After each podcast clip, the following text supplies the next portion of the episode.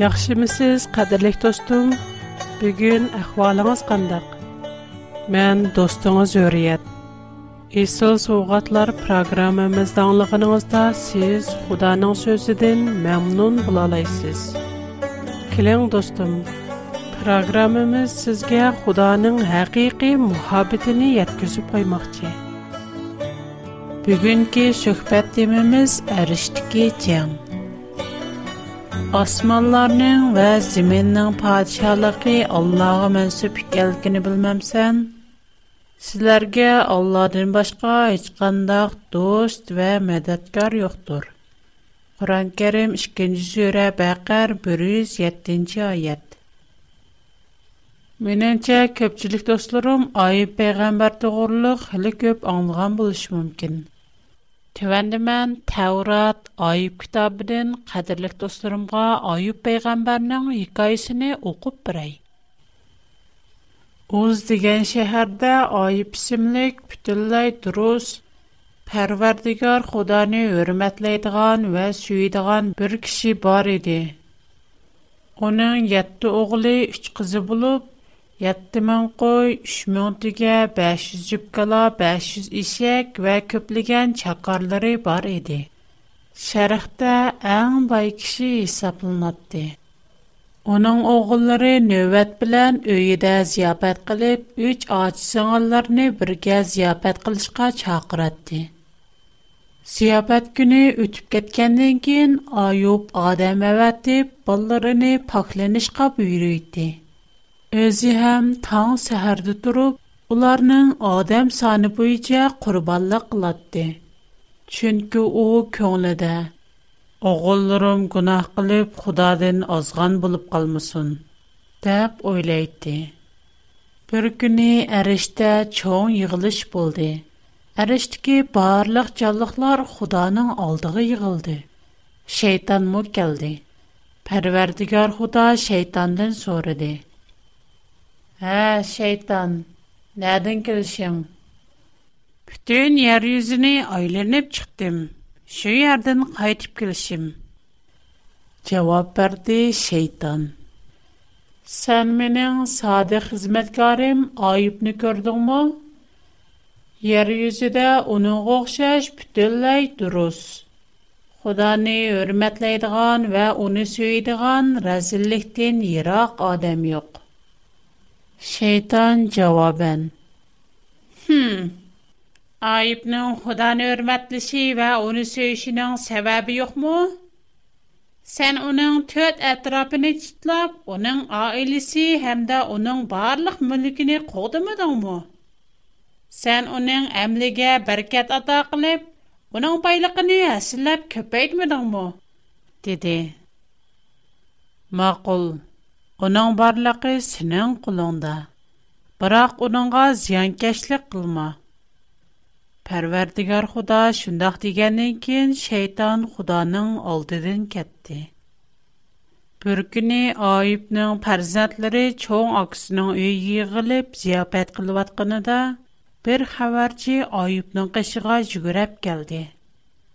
Бигим бигим кыла йөр агдырып ишек янында от яваттатты. Тюксыз себиялыклар бастырып килеп, улагларны булап кетти. Әмдә чакарларны өлтүрүп ташлады.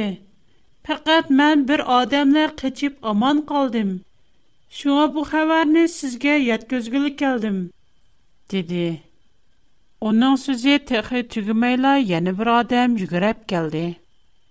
Хожайын, хожайын, Xuda osmondan o't yog'dirib, qo'y podilari va chaqqarlarni kuydirib tashladi. Faqat men bir odamla omon qoldim. Shunga bu xabarni sizga yetkazgili keldim. Deb turishiga yana bir odam asirgan holda yugurib kelib, mundoq dedi. Xo'jam, kaldiyonliklar, kaldiyonliklar ishga bilinib tuyuqsiz bostirib keldi. Tugularni bulab, chaqqarlarni o'ldirib tashladi. Парат мәлле брадем качıp аман калдым. Шуңбук хәбарне сезгә 700 гына калдым. У ТХ сүзләп атканда яны брадем моһсырган пети итеп келди. Бүген сезнең, сезнең балаларыгыз, сезнең балаларыгыз чөңәк синең үйде япчып атканда тусаттен каттык боран чыгып кетти. Боран үенң төтпәрчикегә каттык урылып Өй, балаларның üstеги өрүлеп, әmməsi өلد. Фақат мен бер адамла аман калдым. Шуңа сизге бу хәбәрне яктыз келдім. Шинә белән айып орныдан турып, киемләреннә йерттеп, ча сакалларын төшерүп, бешине ярги тәкүзеп, ярда тизленеп тазим кылды. Мен анамның курчыгыдан ялыңач калдым, һәм ялыңач кайтыман. İnam qılğıcı Pərverdigardır. Qaytırıb alğıcımı Pərverdigardır. Pərverdigar Xudanın namına mədiyələr yağsın.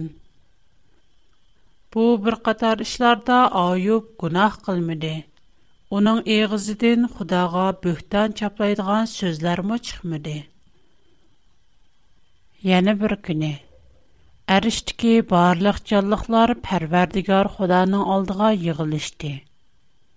شیطان уларның اولارنن آرسدا بلی کلده. پروردگار خدا شیطان دن زورده. خیار دن کلشم. پتن یاریزنی ایل نب چختم. شیار دن берди کلشم. جواب پرده شیطان. ها من Yär yüzide onundakı bütünlәй dırs xudany hürmetleydigan və süyidigan günahdən yiraq adam yox. Sən gerçe mini onunğa hücum qilishğa quturtıp, uni səbəbsiz vərən kılğan bolsangmo, o yana la saplığını saxladı. Hım. Adam teri bilan adam. Adam hayatını saxlap qilish üçün barliqdi vaz razı buldu. Навадисан, қолсузып, уның ұстыхний ва гюшиге тениг зиян еткісан, о чыгым шу заман сандин юз орып саңа бүхтан қылды? Деп, цавап берди шейтан. Парвердігар худа шейтанга. О, сынын қылында. Пақат уның хаятығы чыгылма. Шуның белән шейтан парвердигар Худаның алдыдан кайтып, Ойубга зәрбе берде. Уның бешидэн аякыгыча чаккак яры чыкарды. Шуның белән Ойуб күлдә ултырып, чини парчысы белән bedenне татлады. Уның аялы уныңга: "Сле янала өзләрнең пахлыгыны сакламакчымы?" Худаны юзәрәп, үлеп тигезләр булды dedi. Ayıp bolsa onunğa. Калва xutundak biljirlima. Әжіба біз Құданың құлыдың бәқтке үріштік. Қапәт кімі ұшырмамдық? Бұ бір қатар ішларда айып иғыз етіп күнақ қылмыды. Өркіз бүхтан чаплымыды. Айыпның үш досты Илфәр, Билдад, Zuffarlar bu barlıq afətlərini anlığandan keyin onunğa təsəlli veriş üçün gəldi. Onlar onun yanında 7 küçük gündüz oldurdu. Heç kim onunğa söz qılmadı. Çünki o qatlıq azablanıb atatdı. Keyin Ayub iğiz açıb özünün doğulğan gününü qarğaşqa başladı. Mən doğulğan aşı günü ham o'g'il bo'voq ekan degan ashu kecha yo'qolib ketgay u kuni qorong'ulikqa aylanib qatorliq nurg'un so'zlarni qildi biroq uning do'stlari bo'lsa siz chuqum biror yushurun maxfiy gunoh qilibsiz shu xudo sizga g'azab qilib sizni jazoladi deb oyib bilan munoziralashishga boshladi Айып болса, өзінің гунахсызлықын әйтіп, олар білән мұназыра қылатты. Олар көп мұназырләшкәннен кейін айып өзіні әққаны деп чыңтырғалық үшін, оның үш досты оныңға яна жауап қылмады. Бұл жағда оларның арысыға құшылып олтырған Илеху үсімлік яш айыпқа атчықланды. Чүнкі айып өзіні әққаны деп қарап, Құдани хаққани димиганиди. Илху яна айупның үш тостыга ачықланди.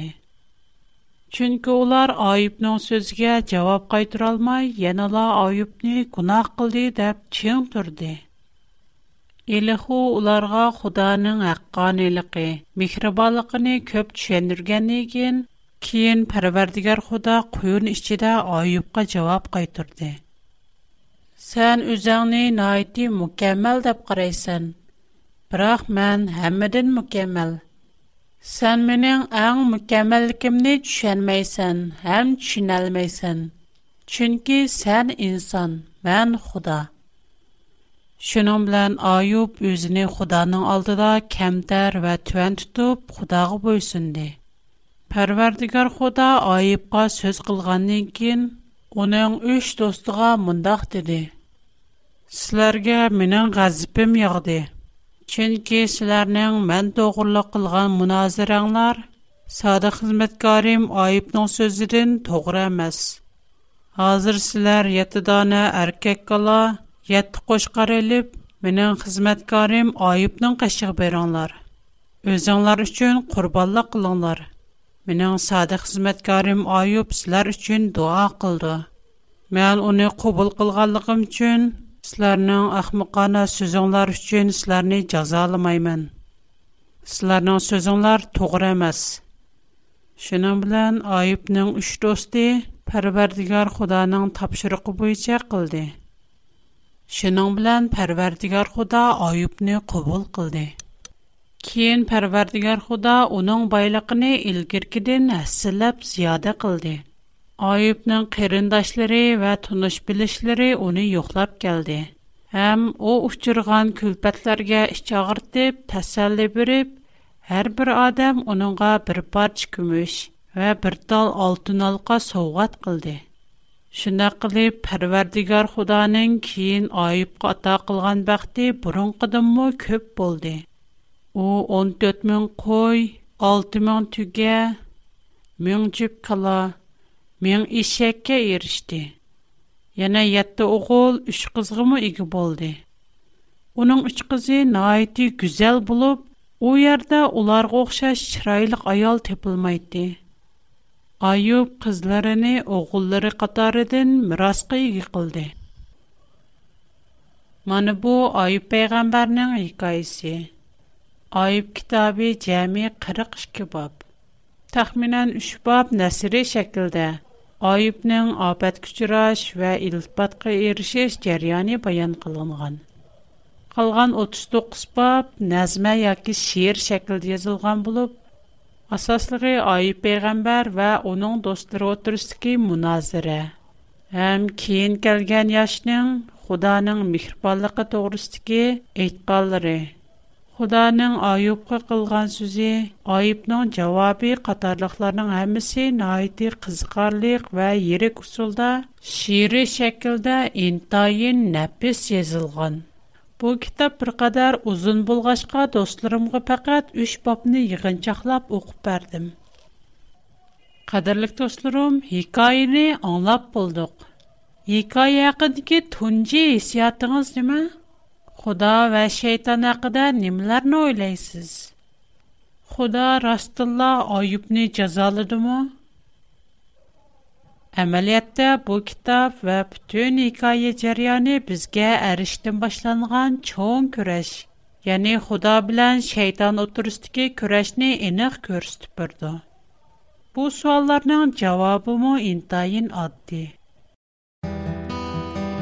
Samaviyatımız hal Bozundayım şan Onun mihribanlığı Bizge bir payan Şan şereple Rabbimizge Şan şeref Kudağa Mukaddes ruhin bizlerge Yar Bosun. Ah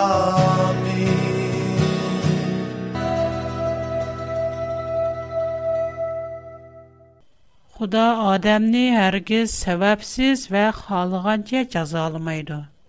Çünki Xuda Quran-Kərim 1-ci surə Fatiha 3-cü ayət, 52-ci surə Qaf 29-cu ayətdə aytilgandək, Allah naiti şəfqətlik və mehribandır.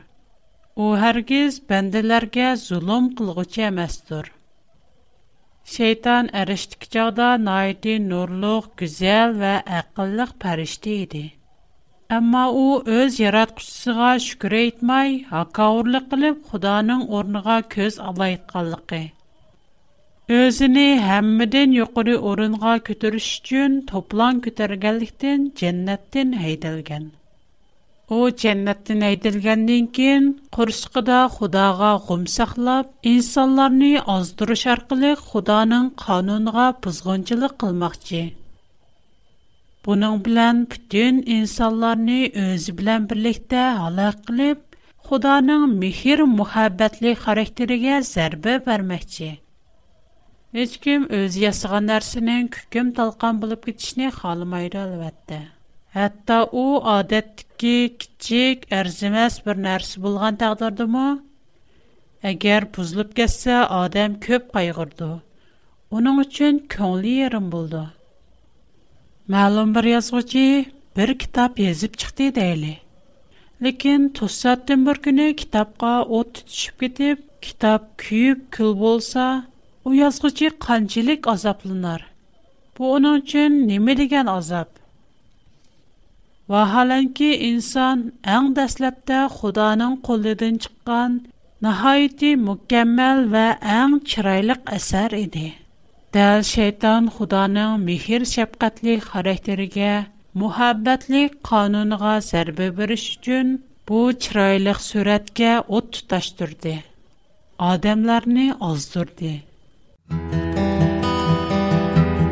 Программа ахырда достумга адресимni deb bermoqchiman.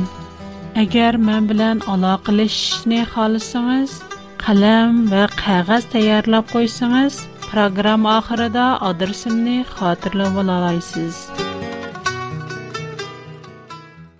Yana адамларга Худо jazolag'uchi shafqatsiz insonlarni jazolashni yaxshi ko'radi deb Xudoning xarakterini burmiladi.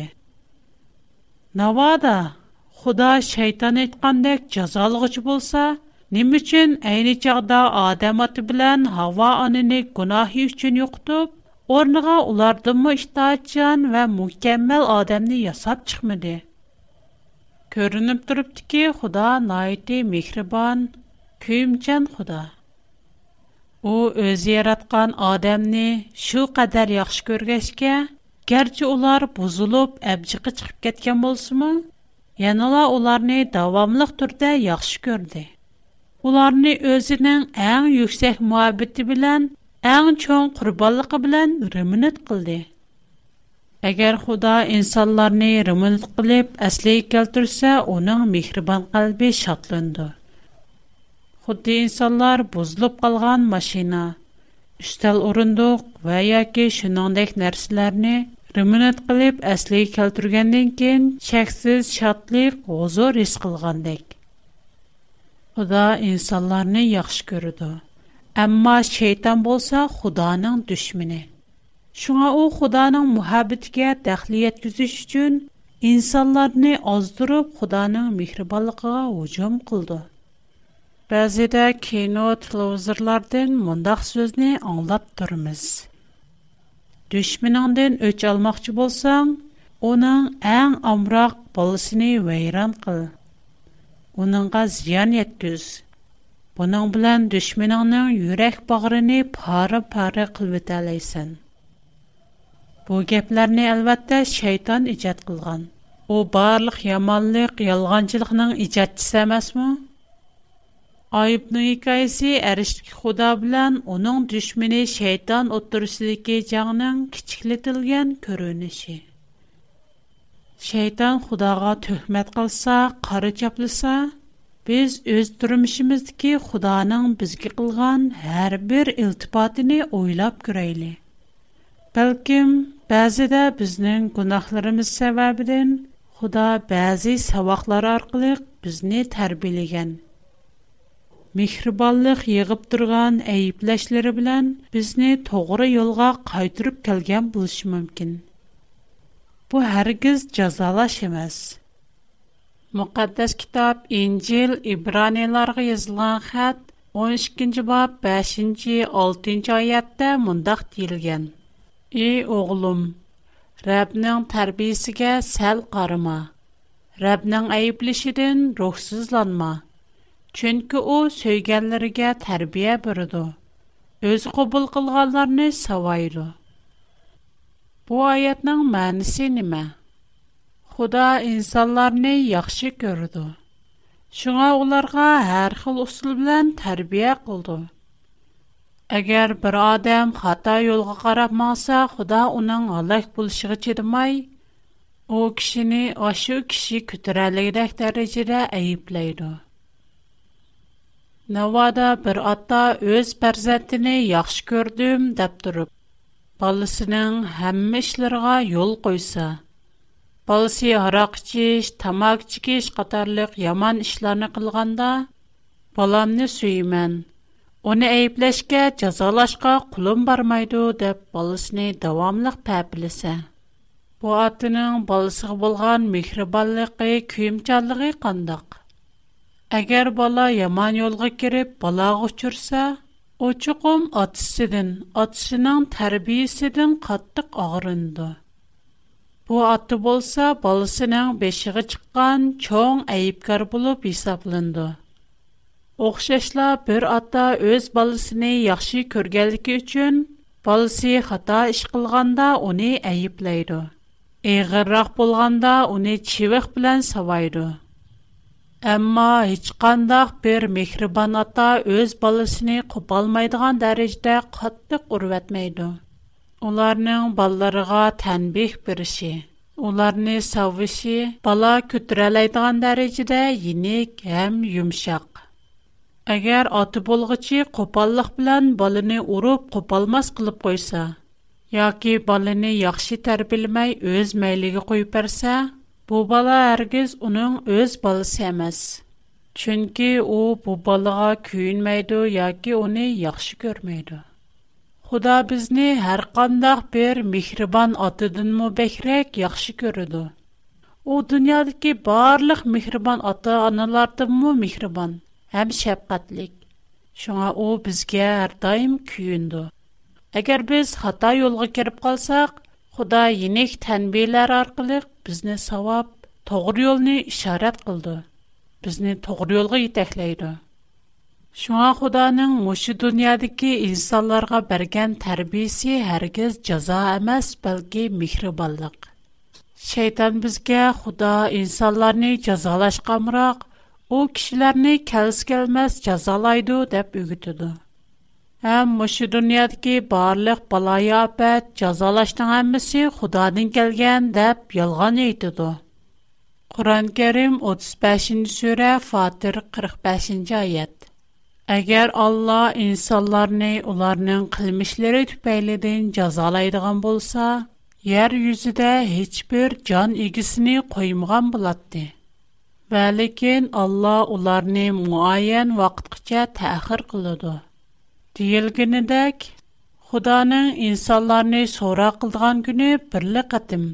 Жазалайдыган күне мо бирле катым келеди. У булсымы кыямат.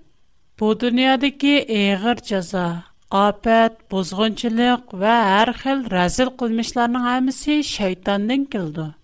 Аннан худди Аюб пәйгамбәрнең хикаясыдагыдек, кешеләр шайтанның бузгынчылыгын төшенмәй, bularni xudodan keldi xudo jazoladi deb o'ylaydi agar oyib payg'ambarni rostilla xudo jazolagan bo'lsa keyin u oyib payg'ambarga hasilab baxit ato qilmagan bo'ladi qadrli do'stim balkim siz va man Xudanın həyatımızda qılğan acayib mol iltifatlarını allaqaçan unutub getgan buluşumuz mümkün.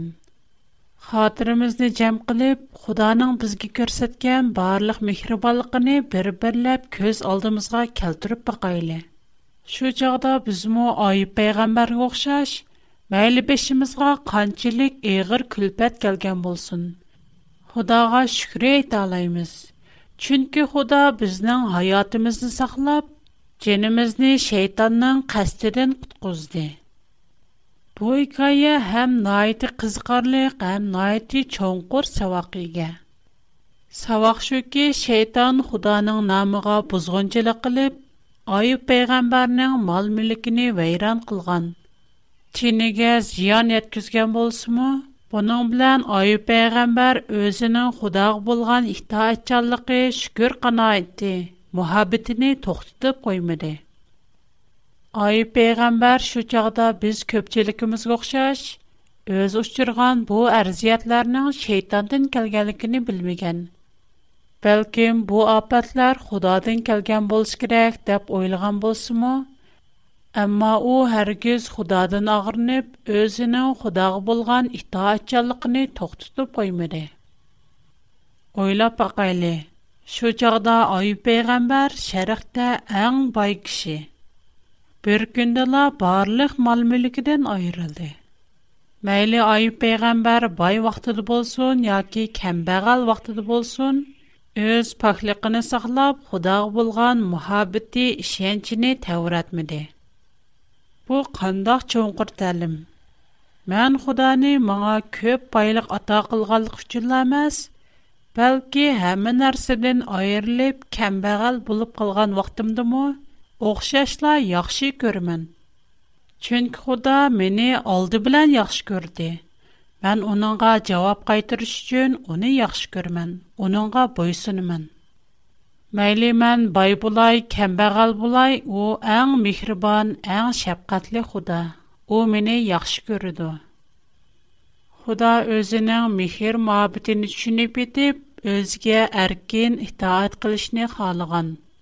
Onan tənbihini xoshalliq bilan qubul qilishni xalaydiqallarga, İncil, Vahiylar, 3-ci bab, 8-ci ayetin, 10-ci ayetkice mundaq vadi bergen. Siniq amalliran ni biliman, Kuconin azikalikini biliman, Likin sözümge amal qildin, Ve namimni inkar qilmidan.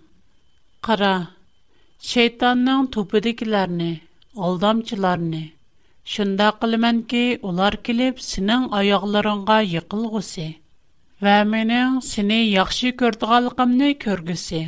Сөзимгә әмәл кылып, сәвер белән бердашлык бергәнлеген өчен яр юзылки инсанларны сынаш өчен бүтән яр юзыга килдегән сынакның вакыт саитеден сине кугдап кылман. Мана бу вада сезгә ва моңа bu dunyodagi barliq arziyatlarga sabr qilib, Xudoning mehr-muhabbatli xarakterini tushungan va Xudoning bu mehr-muhabbatini boshqalarga ham bergan har birimiz uchun berilgan eng go'zal va'da. Qadrli do'stim, kelar qatim sizning programmamizni yana ziyorat qilib kelishingizni orzu qilaman. Sizning xatingizni topshirib olish mening xushalligim. менің тор адресім бигфуд at bigfoot.com менің хат адресім a w r p o box 310 менің хәзірше хат адресім 310 нөмір. Хош, Худаға аманат. Қайт көрішкіте аман болуң